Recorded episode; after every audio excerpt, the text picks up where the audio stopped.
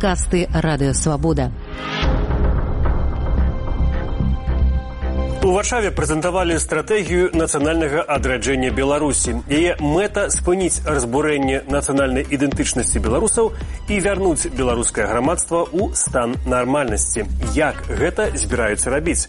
Это сёння тэма нашай размовы ў эфіры свабода прэміум а мая сённяшняя госця кіраўніца прадстаўніцтва аб'яднанага пераходнага кабінету беларусі ў нацыянальным адраджэнні аліна кошык. Прывітання аліна. Добрый дзень шаноўна гаспадарства прывітанне зміцер уся стратэгія апублікаваная на сайце яна займае па аб'ёме не больш чым два пракруты. Аліна скажыце а што на вашу думку там самае важнае што неабходна ведаць прама цяпер нашым гледачам насамрэч стратэгія відаць ты паглядзеў проста канцэпцыю нацыянальнага адраджэння да канцэпцыі нацыянальнага адраджэння ёсць яшчэ некалькі дакументаў якія прыкладаюцца. Гэта стратэгія гэта таксама дарожныя мапы. Таму насамрэч гэта дастаткова аб'ёмны дакумент з якім варта пазнаёміцца калі вас цікавіць гэтая тэма. Але што мы прапануем? Калі мы расказваем пра канцэпцыю нацыянальнага адраджэння то мы канцэнтруемся перадусім на каштоўнасцях на якіх мы хочам пабудаваць нашу Беларусь будучыні нашу беларускую мару нашу новую Беларусь. І мы стварылі гэтую канцэпцыю менавіта дзеля таго каб распрацаваць пашагавую інструкцыю што як мы будзем рабіць дзеля таго каб дасягнуць гэтай мэты. А наша мэта гэта канчатковае фармаванне беларускай нацыі з моцнай ідэнтычнасцю нацыя якая ведае шануе сваё мінулае але ўпэўнена глядзець з гонарам у будучае. Нацыя якая а, будзе не проста а, прыдаткам расійскай імперыі нацыя якая будзе э, сапраўды рабіць вялікі ўнёсак у развіццё там ліку еўропы будзе ведаць што мы з'яўляемся сапраўды э, часткаю еўрапейскай цывілізацыі да якой мы належым. І э, менавіта нацыянальнае адраджэнне можа быць тым клеем які склеіць вось наше грамадства. Зараз часта кажуць пра тое што оно моцна падзеленае але мне падаецца што акурат каштоўнасці нацыянальнага адраджэння могуць быць тым што нас будзе аб'ядноўваць. Таксама мы ставим увагу на тое што для нас важна каб беларуская нацыя была вельмі актыўнай каб мы развівалі актыўную грамадзянскую супольнасць і каб мы пачалі аднаўляць і адбудоўваць супольнасці. Гэта тое што адбылося ў двадцатым годзе і тое над разбурэннем чаго зараз так а, працуюць у двукосе а дакладней разбураюць улады лукашэнкі. Нас атамізуюць нас падзяляюць бо яны вельмі баяцца тых супольнасцяў якія сапраўды моцныя якія самыя здольныя вырашаць свае праблемы. Аліна нацыянальнае адраджэнне было задачай беларускіх дзеячаў яшчэ сто гадоў таму. І нават у найлепшыя часы у першыя гады незалежнасці ў 90-х годах. Гэта мала ўдавалася таму што гэты перыяд быў кароткі. А сёння уплыў грамадзянскай супольнасці ў беларусі мізэрны. Як вы хочаце рэалізоўваць і стратэгію канцэпцыю Я не пагаджуся з тым, што зараз уплыў на грамадзянскай супольнасці на грамадства беларусі мізэрны. сапраўды былі зачынены ці зліквідаваны шмат якія беларускія недзяржаўныя арганізацыі, але большасць з іх працягваюць сваю місію, працуючы за мяжэлі сцяж працуюць для беларусі і праекты беларусі рэалізуюцца. можа яны не такі гучны, можа не такі бачны, але яны ёсць. Гэта таксама як і зараз праца беларускіх медыяў, якія працуючы з-за мяжы сягаюць у 8 80сотках прыкладна сваёй аўдыторыі да беларускага грамадства. Так што э, все не так кепска у нас ёсць інструменты ўплыву на грамадства. Насамрэч ну э, айцы заснавальнікі беларускай нацыі калі можна так сказаць яны з гэтым пытаннем беларускага адраджэння змагаліся э, яшчэ больш за сто гадоў таму. Э, і кастусь каліновскі і далей і браты луцэвічы потым зенон пазняк і мы працягваем гэту справу. Насамрэч гэта марафон. Гэта марафон у якім мы все з вами вами бярэм удзел вельмі хочацца каб ён скончыўся той мэты якую мы сабе паставілі ў стратэгіі нацыянальнага адраджэння. Канчатковым фармаваннем беларускай нацыі нацыі з моцнай ідэнтычнасцю. Вось. Але шмат што залежыць ад нас. І тут мы таксама вялікую увагу надаем адказнасці кожнага з нас за тое у якой краіне мы хочам жыць. Мы верым што Беларусь пачынаецца з кожнага з нас. Мы верым што кожны з нас можа ўкласці нейкі свой унёсак свой маленькі сваю цыгліначку у тое каб пабудаваць вось гэту нашу цудоўную новую Беларусь. І, і таму мы будзем актывізаваць беларускую супольнасць беларускае грамадства дзеля таго каб быць часткай гэтага нацыянальнага адраджэння яна будзе складацца шмат якіх праектаў я спадзяюся што мы здолеем так пабудаваць нашу працу каб кожны для сябе змог знайсці штосьці у чым зможа сябе зрэалізаваць дапамагаючы агульнай справе Гэта вельмі амбітная задача спыніць разбурэнне беларускай нацыянальнай ідэнтычнасці, беручы пад увагу, што сёння рэжым кантралюе масавыя сродкі інфармацыю беларусі, тэлебачанне, радыё, газеты, школа, адукацыя, універсітэты і беручы пад увагу тое, што вельмі часта або ў большасці выпадкаў там прасоўваецца абсалютна такая прарасейская лінія прарасейскія наратывы. Як гэта можна змяніць, маючы скажем арганізацыі за мяжой Ну насамрэч з-за мяжы таксама можна рабіць шмат і гэта паказвае досвед іншых краінаў досвед тых же самых палякаў дзе у яшчэ двадцатым стагоддзі у парыжы і існавалі існавала часопіс культура які шмат што зрабіў менавіта для адраджэння для таго каб змены адбыліся ў польльшы што што рабіць нам на дадзены момант? Мы будзем ствараць сетку школак для дзяцей. Мы будзем ствараць сетку беларускіх інстытутаў якія будуць прамаваць беларускую культуру. Мы таксама зараз распрацоўваем праект беларускага універсітэта гэта все тое што прыдасца нам. У нас ужо паўстаў інстытут беларускай кнігі і зараз мы пачынаем працу над інстытутам беларускай мовы. То бок мы фактычна пераймаем дзяржаўныя функцыі адбудоўваючы і будуючы новую краіну з новымі інстытуцыямі які лічым вельмі важнымі. Што рабіць з тым што зараз у беларусі ведаеце ж я перакананая што гэтай змены адбудуцца нечакана і адбудуцца вельмі вельмі хутка. Мы павінны быць гатовыя да гэтага моманту. Ніводзін ніводзін рэжым не вечны. Мы ведаем што кожны рэжым скончыўся. І зараз ёсць усе прыкметы таго што рэжым сапраўды пачынае губляць не толькі падтрымку але і сілу моц і кантроль над грамадствам у тым ліку нягледзячы на татальныя рэпрэсіі зачысткі. І вось тое што фактычна штодня мы бачым узмацненне гэтых рэпрэсій і тое што да сяброў кабінета і каардынацыйнай рады і актыўных беларусаў нават учора мы бачылі як масава прыйшлі з вопшукамі да ўсіх паказвае што ўлады сапраўды баяцца грамадзянскай актыўнасці баяцца альтэрнатывы якую мы прапановваем Таму я думаю што насамрэч гэтай змены будуць вельмі хуткімі а мы мусім быць да іх гатовы. І таму наша задача стварыць тую сістэму і такой фреймворк такую рамку працоўную якую мы задаем дзеля таго каб потым у час зменаў калі будзе змена рэжыму мы маглі бы хутка перабудаваць краіну на дэмакратычнай рэйкі Аліна, а як вы ацэньваеце, напрыклад, унутры Беларусі вось тыя плыні, тыя скажем, не музычныя калектывы ці тых людзей, якія працягваюць эту беларускую справу, бо нават ёсць многія прыклады, я такі адзін там ёсць такі ансамбль дразды, который спявае па-беларуску абсалютна пра беларускую мову. Яны вядуць это канцэрты па-беларуску э, вельмі папулярны. У Беларусі ездзіць пераважна па, па, па рэгіёнах па правінцыі там сотню людзей прыходзяць ведаюць на памяць усе іхныя беларускія песні ключ да гэтага лаяльнасць да ўлады. Э, ці гэта э, скажем так тое што вы падтрымваеце у нейкім сэнсе? Яны таксама несуць беларускасць для нас галоўны ключ гэта свабода. Гэта свабода творчасці свабода выказванню гэта шанаванне правоў чалавека. І канешне ж цяжка падтрымліваць тое што трымаецца на гвалце. У нас зусім іншая філасофія іншы падыход іншы майнсет таму вельмі добра што на дадзены момант у беларусі ёсць хоць нейкія праявы беларушчыны. Гэта неверагодна важна ведаючы засілле і масавыя просто здалі у нас расійскімі наратывамі расійскай папсой Таму добра што ёсць хоць штосьці беларускае мы ведаем што ёсць і вельмі каштоўнасныя ініцыятывы якія ў беларусі застаюцца якія прамуюць нашу спадчыну культурную. Гэта все важна але мы ведаем колькі разборана колькі шансаў страчана колькі кніжак спалена колькі дакументаў спалена колькі людзей выгналі з працы. Таму я думаю што канешне же адбудоўваць нам будзе багата чаго і дзеля гэтага вось акурат год мы ствараем гэты дакументы гуртуем сілы і гуртуем тых людзей якіх якім баліць гэтая тэма і якія ведаюць што насамрэч справа нацыянальнага адраджэння гэта таксама справа нацыянальнай бяспекі без яе мы не будзем здольныя пабудаваць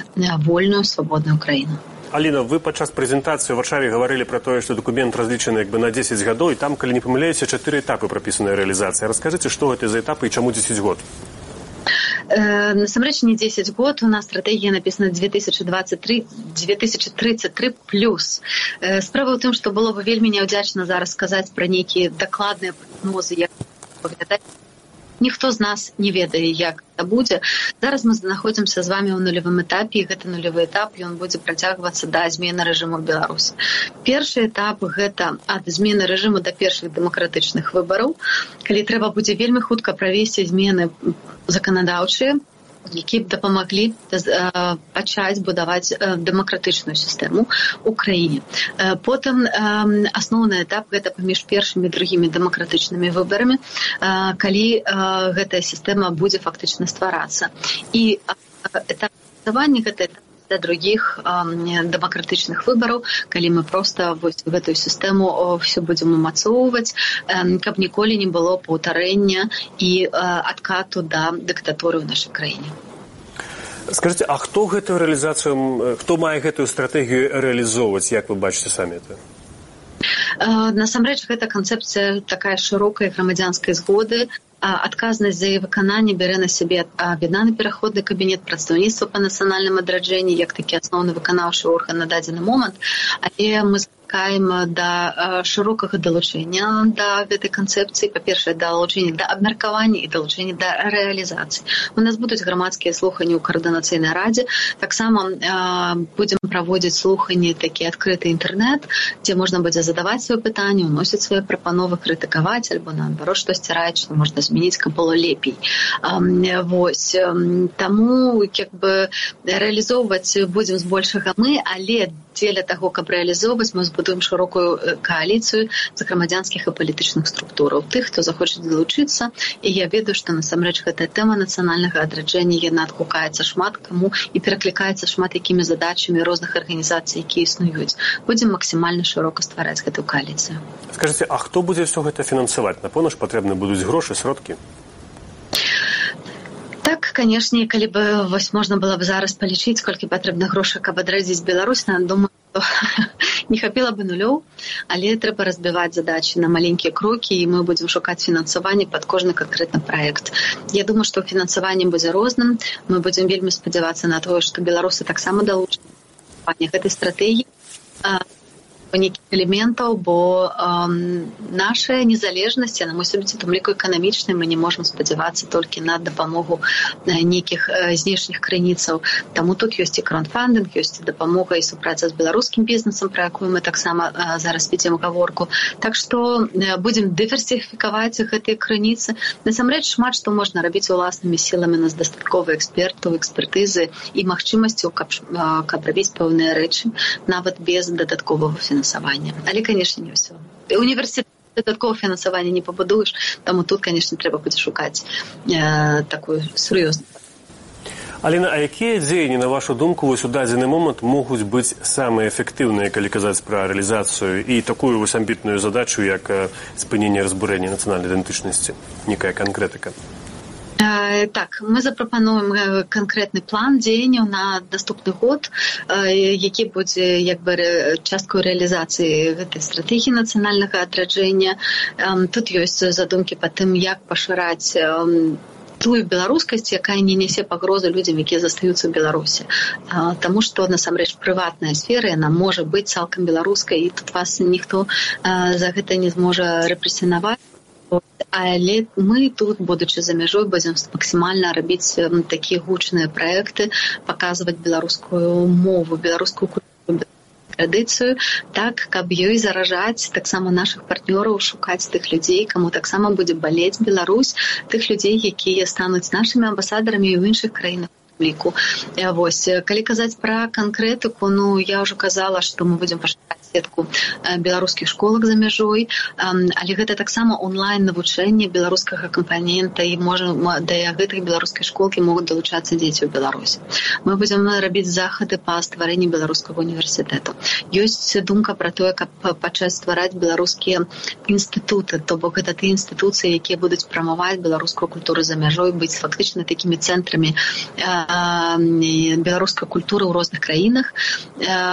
Потым мы будзем таксама развіваць сферу інфармацыйнай бяспекі інфармацыйнай устойлівасці развіваючы стратэгічныя камунікацыі і працуем вельмі пільна над стварэннем інстытута беларускага інстытута публічнай гісторыі які будзе займацца пытаннямі вывучэння рэпрэсій аднаўлення гістарычнай справядлівасці расповедамі пра тое якая ёсць наша гісторыя вось мы дапамагаем надаль у далейшай працы беларускаму інстытуту кнігі. Тут таксама ёсць шэраг праектаў які спадзяюся ажыццяўляцца на наступны год. І мне бы вельмі хацелася каб мы такі досыць моцную хіл зрабілі на масавую беларускую культуру. Зараз на шчасце ёсць каналы дастаўкі все глядзяць тикток все глядзяць youtube. І таму калі з'яўляецца добрая беларуская песня буду слухаць за мяжою і ў беларусі. Таму вот вельмі хочацца каб такой добрай масавай беларускай культуры беларускай кнігі беларускай беларускага кіно было больш і гэта таксама вельмі амбітная задача. І апошняе калі э, напрыклад зараз э, нас глядзяць людзі которые б хацелі нейкім сэнсе далучыцца паспрыяць э, рэалізацыі вашай стратэгіі што яны павінны рабіць просто самі арганізоўваць звяртацца праз вас. Ці хтосьці будзе гэта каардынаваць вось так як арганізацыю цэлую. Э, так калі ласка мы заклікаем далучацца заклікаем дасылаць ваши ідэі прапановы за ўвагі крытыку карацей все што прыходзіць і все што вам баліць заходзьце калі ласка на старонку ревайвал беларусь кропка орг. Я спадзяюся калі можна будзе дзіма папрашу вас дадаць у апісанне нашай размовы вось гэтую спасылачку і там ёсць раздзел далучыцца можна таксама напісаць email там ёсць пададзены каардынаты можна таксама гэта рабіць у нашай сацыяльнай сеці ў нстаграме калі ласка заклікаю вас подписывайтеся мы будзем там публікаваць больш інфармацыі пра тое чым займаецца прадстаўніцтва па нацыянальным адраджэнні вось так што ёсць шмат каналаў камунікацыі мы адкрыты і таксама вось моя каманда будзе адсочваць іх і даваць адказы на вашыя запыты Дзякуй вялікі Аліна. Я нагадаю нашым гледачам, што сёння мае госці была прадстаўніца кіраўніца прадстаўніца аб'яднанага пераходнага кабінета ў нацыянальным адрыджанні Ліна Коўшык, а для вас у празе працаваў я Дмітрий Гурневіч. Дзякуй за тое, што былі з намі, бывайце і заставайцеся са свабодай. Вы слухали падкаст радыёвабода. Усе падкасты свабоды ў інтэрнэце на адрасе свабода кропка орг. Штодня у любы час у любым месцы, калі зручна вам. Свабода кропка орг. Ваша свабода.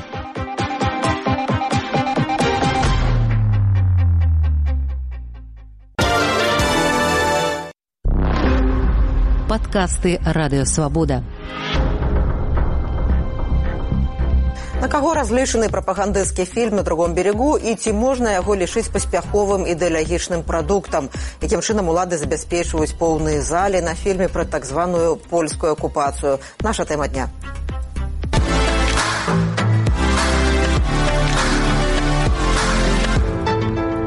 Фільм на другом берегу зняты беларусфільмам да усталяванага лукашэнкам свята дня народнага адзінства пра падзеі 1925 году мы разбіраем з кінаглядальнікам тарасам тарналіцкім добрый дзень добрый дзень добрый дзень Ну, 14 верасня беларускіх кінотэатрах ідзе фільм на другом берегу ён зняты рэжысэрам расейцам андрэем хрулёвым. Днямі фільм з'явіўся ў сеціве яго маглі паглядзець людзі па-за межамі беларусі. Я таксама яго паглядзела. Тарас як бы вы маглі ахарактарызаваць гэтае кіно? Пакуль што не пра мастацкія якасці мы гаворым. Ну гэта я б сказаў што гэта тыповы праект для беларусь фільма я б не сказаў што ён нечым адрозніваецца ад тых праектаў якія ствараліся у да двадцатого году. Сутнасна гэта проект цель якога ці мэта якога каб улада могла выканаць там пэўныя свае мэты у палітычным плане. Таму што вось все всем спадабаўся фільм купала але ён таксама такі ж ідэалагічны па сутнасці і па змесце як і вось фільм на іншым беразе толькі ў яго іншыя месаджы ў сэнсе он такі больш беларуска-цэнтрычны а на іншым беразе ён антыпольскі такі прасавецкі вось прыкладна такога разліву як напэўна фільмы якія былі ў нулявыя гады калі вось было такое вельмі моцнае расійскае лобі у, у беларусі а, а, а уже ў десятые былі спробы у лукашэнкі стаць больш самастойным вось дзеля гэтага і паўстаў гэты э, фільм купала і там іншыя э, фільмы э, ігравыя і не ігравыя таксама але вось зараз таму што вельмі напружаныя вельмі напружаныя адносіны з загадам з польшай вось вырашылі такім чынам спрабаваць аб'ядноўваць беларусаў але ну гэта так такі агульны момант дазвольце дазвольце я ўдакладню вы паставілі вось побач фільм пра янку купалу рэжысера янковскага і гэты фільм просто сказалі што это і тое тое дыялогічнае кіно толькі з рознымі знакамі плюс плюс і мінус. Это значит і паводле вас это і мастацкая якасць і акторская гульня і все там на роўных? Не я маю на увазе ў першую чаргу э, мэту стварэння гэтага фільма. Э, просто э, калі ствараўся купала была неабходнасць аб'яднаць беларусаў у сэнсе неяк адасобіцца ад рассіі вось паказаць што мы самастойныя ну гэта была задача першай чаргу ўлады як замоўшчыка гэтага контенту зараз ўсё цалкам змянілася. Ну то есть кардынальна. Уладаў з'явілася неабходнасць знайсці такого знешняга ворага у, у выглядзе Польшчы і э, таму змяніўся э, запыт э, што патрэбна паказваць якія фільмы трэба паказваць і тут трэба яшчэ дадаць э, што вось у наступным годзе будзе 100 гадоў э, з моманту э, з'яўлення беларускага кінематографа і што самае цікавае першым фільмам які афіцыйна лічыцца беларускім з'яўляецца лясная быль і там таксама дзеянні адбываюцца ў заходняй беларусі і яны пабудаваны на супрацьстаянні вось беларусаў і палякаў ну то бок сто гадоў фактычна мы здымаем пра тое як мы змагаемся з дрэннай э, польскай уладай якая захапіла заходнюю беларусь. Вось не, не адпускае э, гэтая тэма ні ўладу беларускую ні, э, ні, ні кінематограф дзяржаўная Ну ідэолагі ў натацыі фільма пішуць што гэта фільм пра самы это цытата пра самы цяжкі перыяд нашага народу польскую акупацыю ці вы вы уже назвалі гэты фільм антыпольскім. Наколькі ён зроблены ў рэчышчы цяперашняй прапаганды ў наратывах цяперашняй антыпольскай прапаганды? Ну я б не сказаў што ён там моцна прапагандысцкі. Ён гэта хутчэй такая меладрама такога тэлевізійнага фармату вось якія звычайна паказваюць у эфірных тэлеканалах рассіі і яна па эстэтыцы вельмі падобная. Там і каларыстыцы і па мантажы ну то бок такі не, не, не вельмі густоўна гэта зроблена на жаль. А можа і, і добра што так так атрымалася.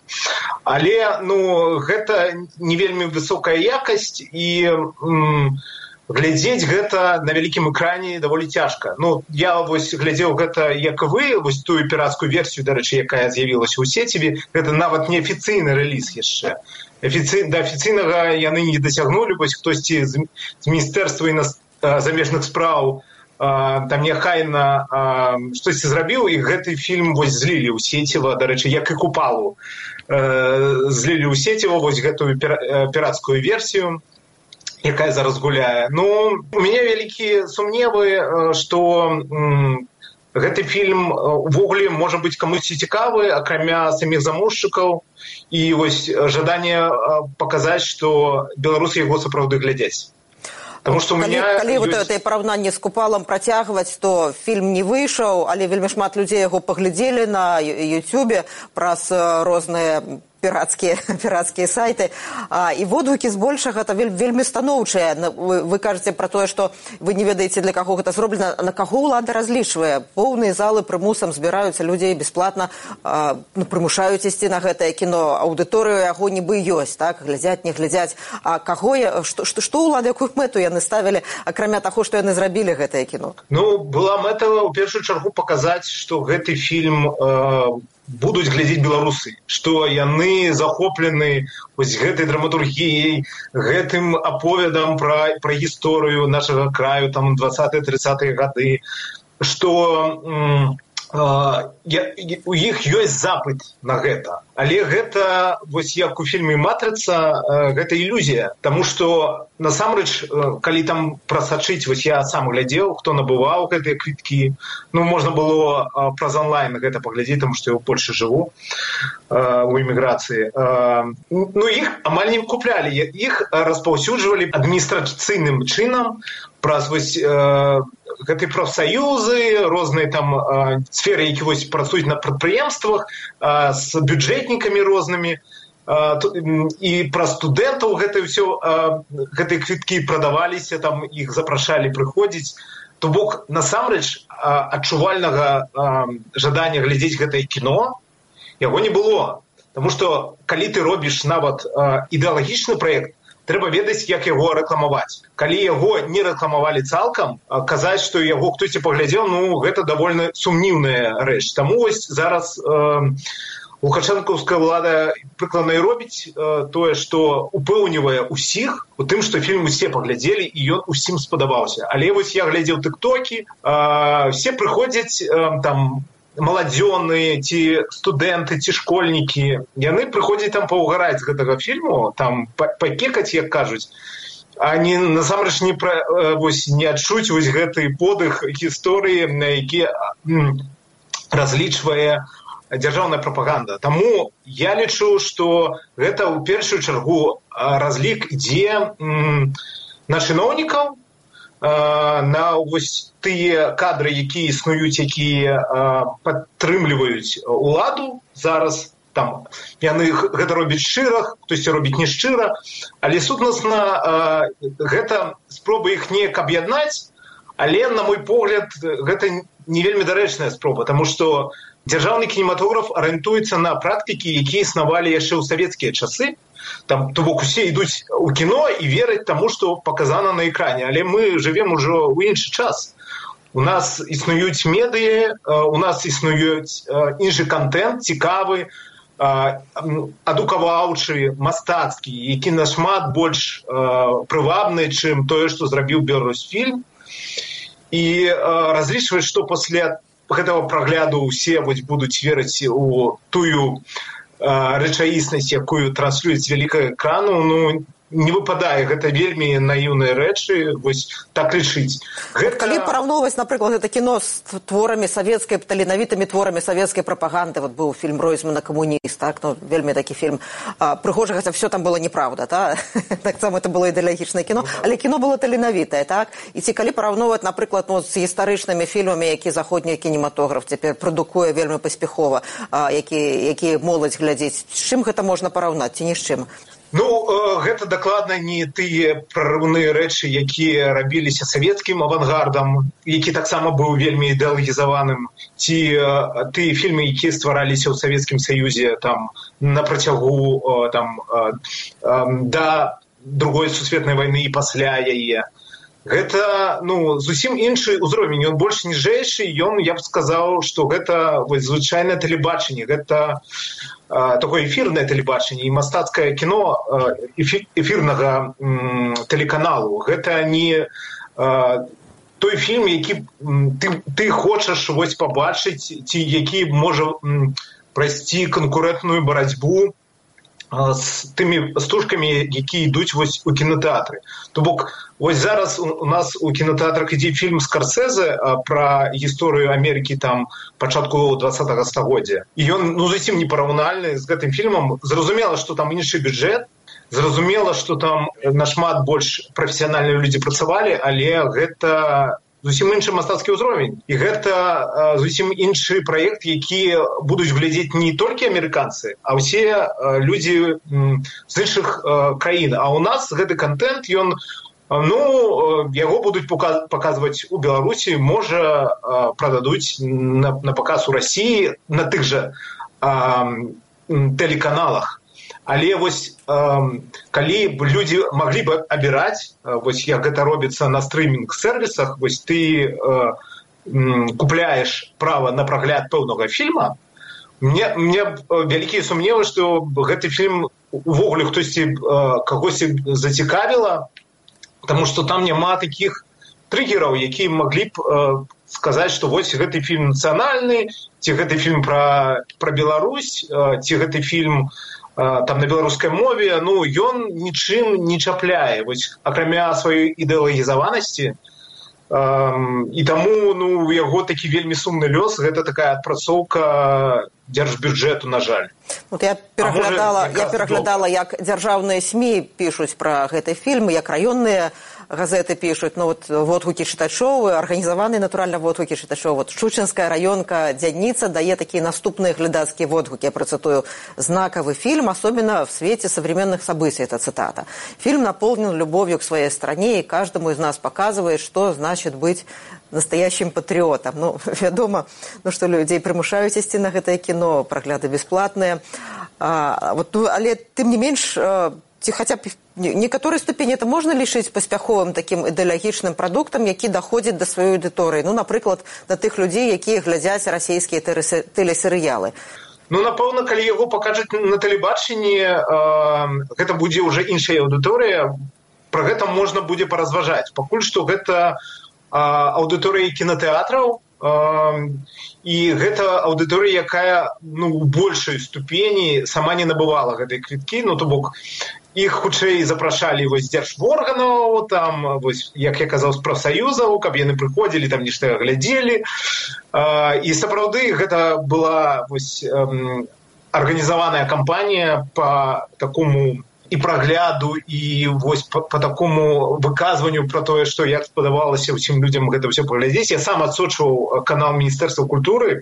Яны пасля вось першых э, дзён показаў пачалі там бомбіць вось гэтай навіны і перапошчваць вось что там что выказалі э, там пэўныя э, там і ці чыноўнікі ці там э, э, там нават была там дзяўчына якая удзельнічала ў конкурсе прыгажосці. Яна таксама нешта там што яна хадзіла на гэтае кіно і глядзела. Ну ну бок бачна што гэта была замова. Была замова арганізаваць такую піар-кампанію. Нават не тое што людзі так лічаць ці яны паглядзелі а што ну гэты фільм увогуле на яго сабраліся людзі. Раз дзякуй вялікі што знайшлі час для свабоды прэміум падзяліліся сваёй экспертызай. Дзякуй вялікі Дякую вам. Гэта быў кінаглядальнік Тарас Тарналіцкі. Мы абмяркоўвалі прапагандысцкі фільм на другом берегу. А зараз да нас далучаецца журналіст свабоды Дмітрый Гурневіч, які паглядзеў гэты фільм з пункту гледжання гісторыі мясцінаў, якія ён шмат гадоў вывучаў. На што б вы звярнулі, на што вы звярнулі ўвагу найперш?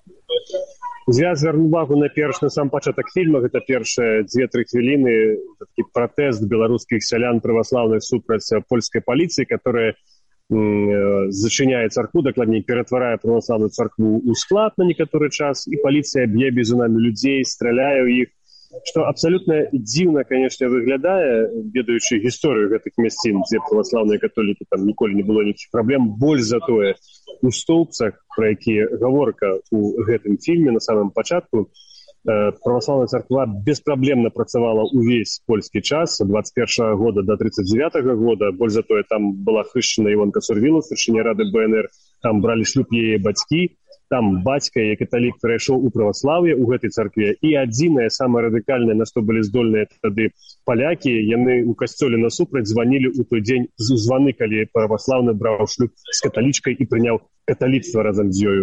Зрэшты гэты касцёл каталіцкі пазней акурат бальшавікі падзарвалі пасля вайны і зараз там пакуль што футбольнае поле правда нібыта гэту зямлю зараз перадаюць касцёлу мясцоваму і вось такая сітуацыя з пачаткам фільма з першымі двумя хвілінамі зрэшты там у, у социальных сетках учора адзін з гісторыкаў Андрей Кандарчук напісаў што ў ягоным горадзе на палесе акурат пры паляках вось 21 по 39 год была збудаваная праваславная царква якіх там толькі не закрывалі не знішчалі ішоў зусім і іншы працэс і, і гэта як я ўжо казаў пачатак фільма але у фільме насамрэч вельмі шмат таких вось антыгістарычных антынавуковых кліше але гэта кідалася ў вочы на самом пачатку. Дмітрий на які моўныя адметнасці фільму вы звярнулі ўвагу на мову якіх персонажаў увесь фільм зроблены па-расейску.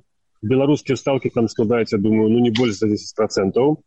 Калі казаць пра расейскую мову то гэта штосьці больш нагадвала такі маскоўскі говор або нейкую правінцыю расійскую что делаешь то ма замест мамы. Ну, это вельмі дзіўна і дзіка гучала это не расійская беларуская мова на якой гаворыць сёння а тым больш э, сяляне каля рубяжевич про якія гаворка у гэтым фільме не маглі гаварыць ані на такой мове ані на расійскай падчас вось э, тых часоў. Э, вельмі кепская мова у тым сэнсе што далёкая ад беларусі і я ведаю адказ маўляў чаму так здарылася таму што акторы збольшага расійскія гэта ўсё рабілі і просто не было кансультанта хто б ім параю навучыў іх уже іншае пытанне чаму беларусам гэтай ролі не далі другая справа якая была там беларуская мова гэта э, больш нагадвала трасянку на поўным моманце ператварылася ў трасянку мова была э, вельмі ненатуральнай і мізэрнай па колькасці гэта я кажу рэальна калі скластыся разам магчыма гэта тры хвіліны. Там ніводнай беларускай песні не было ніводнага намёка на то што гэта Беларусь. Магчыма дзесьці там ручнік калісьці ўзнік але за ўвесь фільм герой дарэч дарэчы ні разу не сказалі што яны беларус Дмітрий якое кіно вам як гледачу пра гісторыю заходняй беларусі ў 1921 1939 годах было б цікава паглядзець напэўна не такое кіно якое пачыналася словамі па замове міністэрства культуры Рэспублікі Беларусь. Таму што калі кіно робіцца на замову неважна чыю гэта ўжо будзе нешта нецікавае. Цікавей было паглядзець на сапраўды на чалавечыя лёсы ў той час на сапраўды рэальныя падзеі які адбываліся і добрыя і нядобрыя з абодвух бакоў. Вот так жыццё насамрэч выглядае. Вельмі знюансавана вельмі дэтальна. і Э, а не хочется глядзець фільмаў і антынауковых і антыгістарычных дзе проста адныя прапагандысцкія кліше у беларускай літаратуры хапае гатовых сцэнараў для такіх фільмаў. Гэта напрыклад чужая бацькаўшчына вячеслава адамчыка. Зрэшты она была калі савецкай часы экранізаваны але хацелася не па-новому наглянуць гэта заходнікі роман генрыха далідовича ну, ёсць шмат кніжак про той час. І напэўна у беларусі все ж таки за 30 гадоў незалежнасці завіліся аўтары якія былі здольныя напісаць цікавы сцэнар потому что нават на ўзроўні вось размоў з цікавымі людзьмі з гісторыкамі беларускімі пісьменнікамі адчуваеш наколькі гэта тэма жывая да гэтай пары але на жаль не ўвасобленая ўвогуле у мастацкім кіно беларусаў Гэта быў журналіст свабоды Дмітрый Гурневіч, ён і кінаглядальнік Тарас Тарналіцкі разбіралі прапагандысцкі фільм на другом берагу. Я Ганна Соус развітваюся з вами, заставайцеся са свабодай.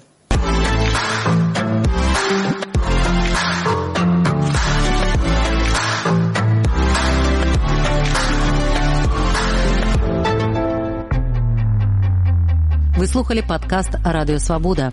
Усе падкасты свабоды ў інтэрнэце на адрасе свабода кропка орг. Штодня, у любы час, у любым месцы, калі зручна вам. Свабода кропка орг. Ваша свабода.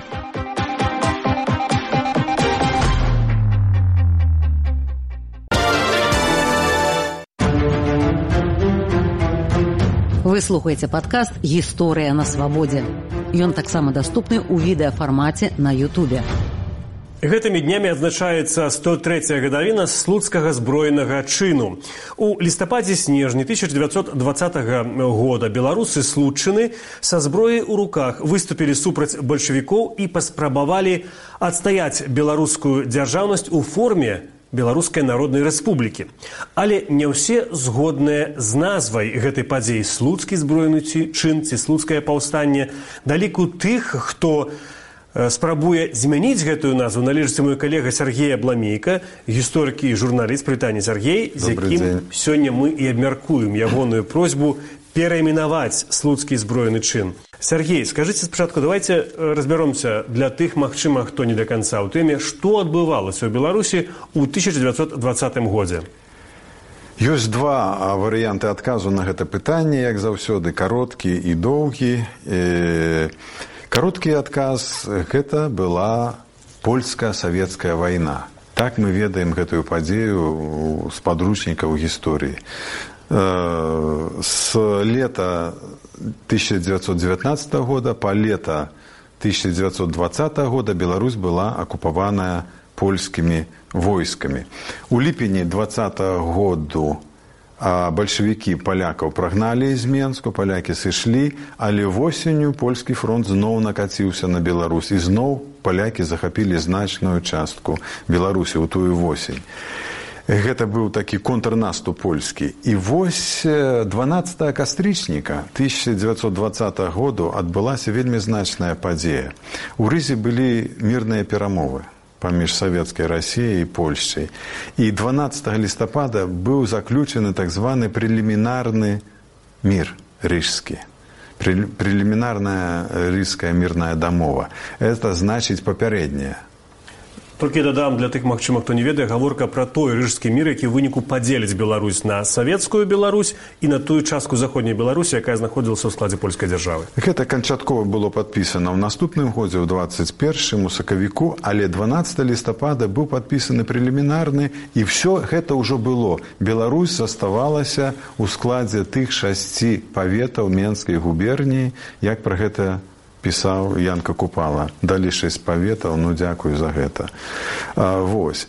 І тое чаго мы яшчэ недастаткова ведаем бо у нас у школах вучаць гісторыю не надта добра а в апошнія 25-30 гадоў мы ведаем што адбываецца у беларускай гуманітарыстыцы наогул.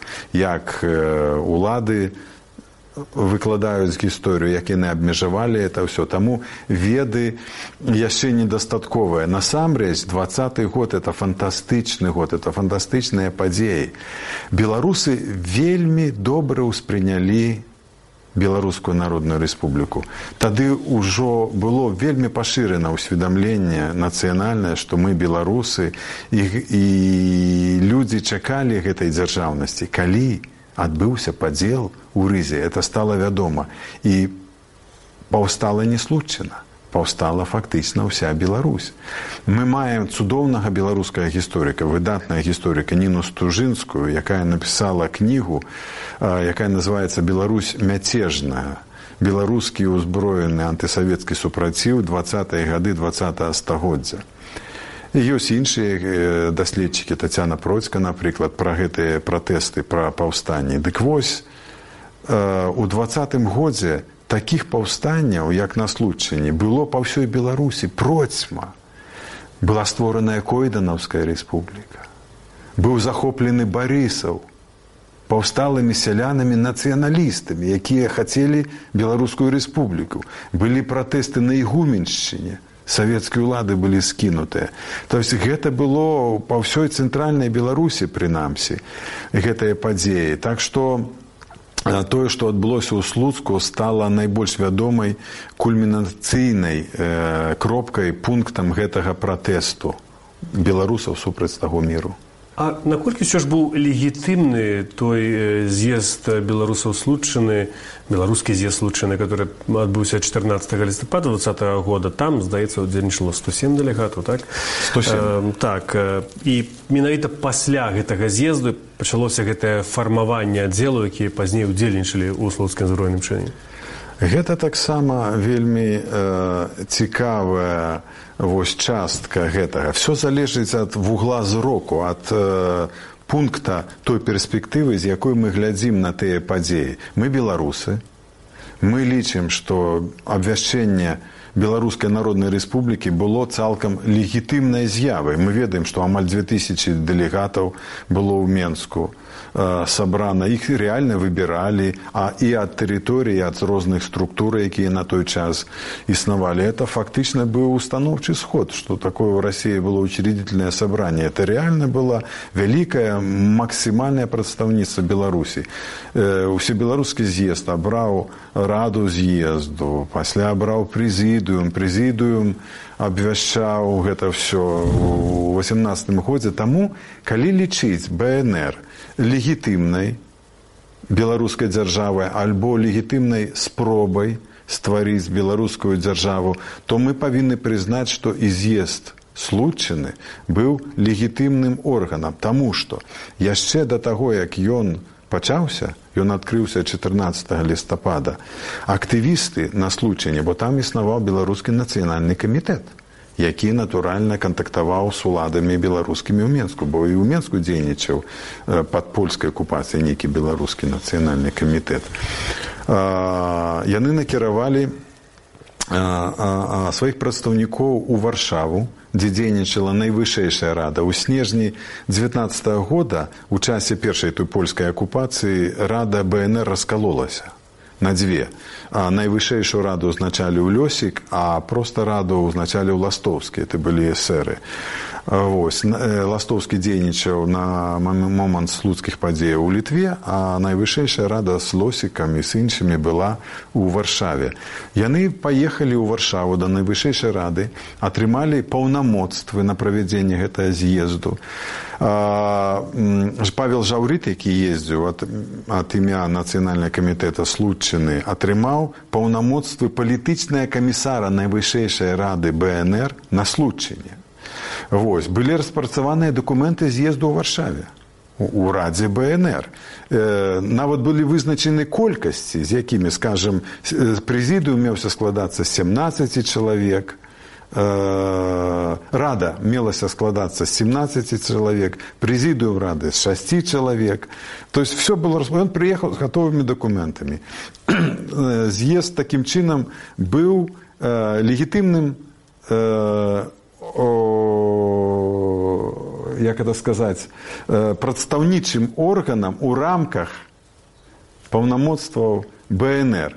Такім чынам все адбывалася з удзелам бнр а калі палякі 24 сышлі ужо была сфармаваная фактычна бригада якая 26 уступіла ў баявыя сутыкненні з бальшавікамі у слуцк на случайно прыбылі прадстаўнікі рады бнр у тым ліку міністр унутраных справаў бнр кузьма цярэшченко і прадстаўнікі беларускай вайсковай камісіі якія фармавалі этой войскі памагалі давайте ўрэшце агучым вашу прапанову назвы слуцкага зброенага чыну. І галоўнай што дасць змена назвы.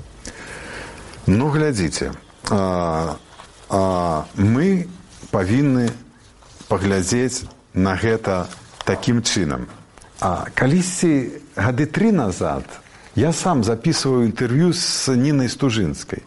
І ў нас у часе гэтай інтэрв'ю пачалася дыскусія. Што это такое, як это называць? Традыцыйна вот 100 гадоў існуе так, што у самой Беларусі і савецкія гісторыкі называюць гэта слуцкім паўстаннем. Беларуская эміграцыя заўсёды называла это беларускім слуцкім збройным чынам. Чаму? Таму што случана ўжо была пакінутая палякамі, а бальшавікі туды яшчэ не прыйшлі. Паўстанне адбываецца на тэрыторыі, якую кантралюе хтосьці. Супраць таго, хто кантралюе тэрыторыю, адбываецца паўстанне. Тут не было. Палякі ўжо сышлі, бальшавікі яшчэ не прыйшлі. Тэрыторыя абвешчана тэрыторыяй БНР. Реально, з'езд случаны абвясціў случану тэрыторыі БНР. Это юрыдычны акт. Это легітымная рэч абсалютна і такім чынам мы маем не паўстанне і не чын, але што? І мы пачалі з нінай стужынскай дыскутаваць. Ніна стужынская э, таксама схілялася фактычна да гэта, але не прагучала тады вот этой фармулёўкі. Яна казала: ну можа быть, назовем гэта сялянскім фронтам БНР. Я ёй кажу, можа слуцкім фронтам БНР, кажа таксама добра. У так ці іначай это было нешта падобнае на так званыя мяцежныя войны. Вот як чачэнцы у рассіі падымалі все але таксама яны кантралявалі рассія а тут не не кантралявалі і ўрэшце рэшт вот я падумаў думаў думаў пасля нашай гутаркі з нінай стужынскай прыйшоў да высновы што калі мы прызнаем што з'езд случаны дзейнічаў у рамках юрысдыкцыі бнр калі мы прызнаем што бнр была юрыдычна легітымнай і бо яе абвясціў і стварыў з'езд случаны. Калі мы разумеем, што баявыя дзеянні вялі ад імя БНР слуцкая бригада якая складалася з двух палкоў палкі складаліся з батальёна тыя з ротаў і так далей што у слуцкай бригады была свая стаўка між іншым за час этого канфлікту каля месяца баявыя дзеянні ішлі стаўка размяшчалася ў пяці розных месцах. Было пяць розных резідэнцый стаўкі. У іх быў штаб была э, контрвыведка была выведка быў вайсковы трыбунал былі інтэнданцкія тылавыя службы гаспадарчыя была вайсковая школа быў шпіталь што баявыя сутыкненні з бальшавікамі працягваліся больш за месяц. Гісторыкі падлічылі што працягласць фронту складала ад 45 до 60 кіламетраў што ў часе гэтага месяца баёў некаторыя населеныя пункты пераходзілі з рук у руки. Былі атакі контратакі былі выведныя рэйты у тылы праціўнікаў то все гэта называется нічым іншым як беларуска-савецкай вайной 1920 года. Это реально была вайна беларуска-савецкая вайна кароткая вайна 2020 года. І вы сказали вы спыталіся што гэта нам дае ну мы больш разумеем сваё мінулае мы інакш на яго глядзім. Это дае нам большую самапавагу бо рэальна беларусы паўсталі тады і эта салідарнасць была вельмі вялікай я ідучы сюды пагартаў кніжачку слуцкі збройны чын 2020 год это зборнік дакументаў это толькі дакументы успаміны допыты бо этих всех людзей пасля у двадцатыя гады пачалі судзіць у беларусі іх там і ў тридцатые позабивали амаль усіх. І вот александр гесь владимир ляховскі владимир мехнюк выдатныя гісторыкі уклалі такі зборнік я вот чытаў самі э, вайскоўцы бнр пісалі адозвы да бальшавікоў з якімі воевалі і яны ў гэтых адозвах пісалі уявіце сабе чатыры тысячи байцоў іх узрост ад 17 до 21 года это самы самы быў асноўны ўзрост жаўнераў бнр.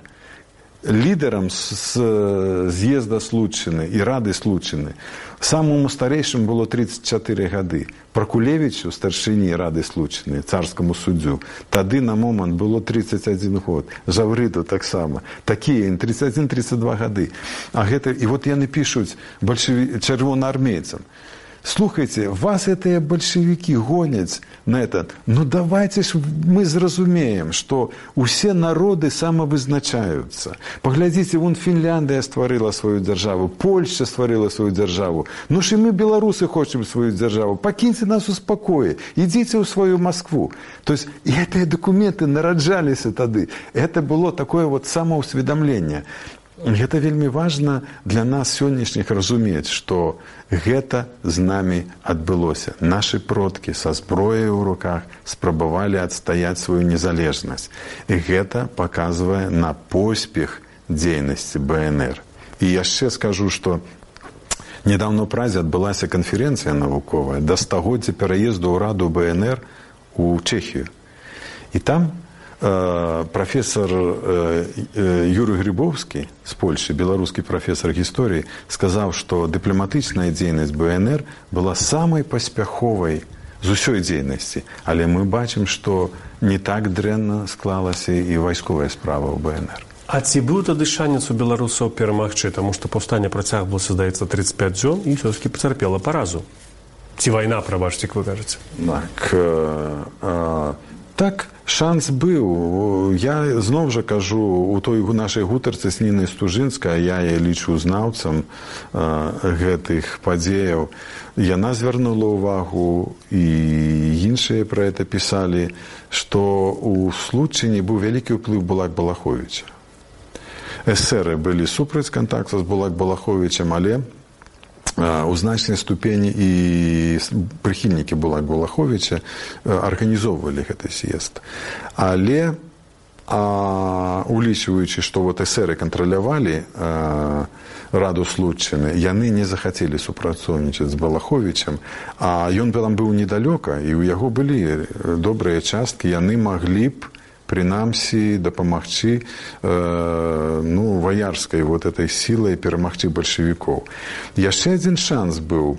Владимир паркулевич калі ўжо сядзеў у турме нквд ў менску напісаў на сторонак 60 на просьбу этих нквдістаў успаміны пра слуцкі збройны чын. Вельмі цікавы документ ён піша што аднойчы Э, у слуцку у часе вот этих баявых дзеянняў з'явіліся дэлегаты з так званых глузскіх лясоў як ён назваў.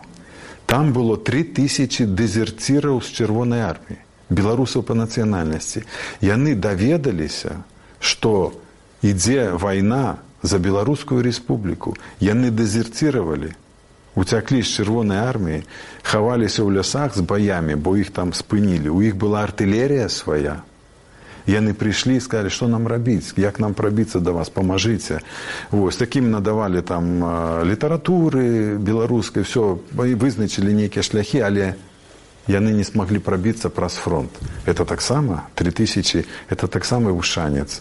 Так ці іначай гэта быў шанец паказаць міжнароднай супольнасці што бнр існуе што яна кантралюе нейкую частку тэрыторыі і што вартая прызнання бо у красавіку чэрвені три месяца 19 -го года урад латыскі улманеса знаходзіўся на караблі расійскім караблі які ахоўвалі французскія і ангельскія жаўнеры і караблі. Ён не кантраляваў ніводнага квадратная метру з латыскай тэрыторыі але пасля эстонская армія захапіла рыгу там было трошечку латыйскіх аддзелаў. Ён прыплыў у рыгу слепаі і стаў і латвія адбылася. А ў нас была цэлая случана велізарны рэгіён з гарадамі Але ёсць тыя, хто сёння ставіць пад сумнеў гэты ўплыў, скажем, слуцкага збройнага чыну на гісторыю пра тое, што нібыта і не кантралявалі слуцкія паўстанцы і вялікую тэрыторыю. Ды ў прынцыпе нязначная гэтая акцыя беларусаў была нязначнай падзеяй для гісторыі. Што вы адкажаце?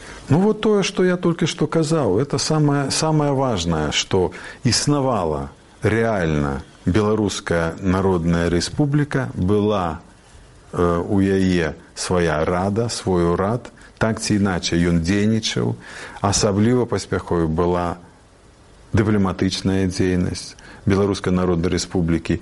Тысячи людзей рэальна звярталіся ў кансуляты каб атрымаць пашпарты. Тады было вельмі шмат перамешчаных асобаў ва ўсёй еўропе. Вайна рэвалюцыя уцікачы. І каб перамяшчацца па краінах трэба было мець э, нейкія рэальныя дакументы. І все хто нарадзіўся ў беларусі все гэта прызнавалі і звярталіся ў кансуляты і атрымвалі лісты і вот зноў кажу зноў той прыклад людзі не кантралявалі ніводна квадратна метра сваёй тэрыторыі і былі прызнаныя і краіна створаная а тут не толькі нейкія там замежныя дыпламатычныя намаганні і перамовы з нямецкімі ці пасля польскімі акупантамі але і свая вайна і свой кантроль сваёй тэрыторыі гэта вельмі важна вы называлі сёння некаторыя прозвішчы звязаныя з гісторыяй тых падзеяў каго вы асабліва вылучылі хто на вашу думку героі там слуцка збройнага чыну ці беларуска-савецкай вайны не ну конечно лідары з'езда случаны лідары рады конечно вайскоўцы якія это все стваралі там десяткі імёнаў. Э, э, это все можна прачытаць у кнігах і ў вікіпедыі. Але ну э, у мяне ёсць такі улюбёны персонаж кузьма цярэшченко бо я уважліва прачытаў вот этой зборнік этой дакументы я прачытаў успаміны владимира паркулевича адразу пасля 26 лістапада у калі прадстаўніцтва бнр у тым ліку кузьма цярэшченко як міністр замежных э, унутраных справаў бнр і прадстаўнікі вайсковай камісіі вайскоўцы прыехалі у семежава у гонар іх быў праведзены парад. У гонар іх быў праведзены парад. І вот пракулевич апісаў такі выпадак што калі перад трыбунай пайшлі дэфіляда так как ён сказаў пайшла пайшлі вайскоўцы з, з этымі кукардамі цэшкамі з пагоняй і з белчырвона-белымі стужкамі замест пагонаў кузьма цярэшченко ў голас разрыдаўся а для мяне это быў такі факт фантастычны то есть это дакладна быў вялікі шчыры і бескарыслівы патрыёт беларусі по і інакш такой рэакцыі нельга было чакаць так што вот мой улюбёны чалавек тых часоў кузьма цярэшченко дзякую вялікі сергей Я нагадаю нашим глядачам, што 27 лістапада адзначаецца дзень герояў, это звязаны і прысвечаны гэтым героям слуцкага збройнага чыну або беларуска-савецкай вайны, як прапану называць гэту падзею Сергей Бламейка, мой калега, журналіст і гісторык, які сёння быў маім госцем. Дзякуй за тое, што вы былі разам з намі. Выглядзелі канал гісторыя на свабодзе, заставайцеся разам з намі. Вы слухали падкаст гісторыя на свабодзе. Падпісвайцеся, глядзіце і слухайце ў Ютубе і на ўсіх падкаст-платформах кожны тыдзень.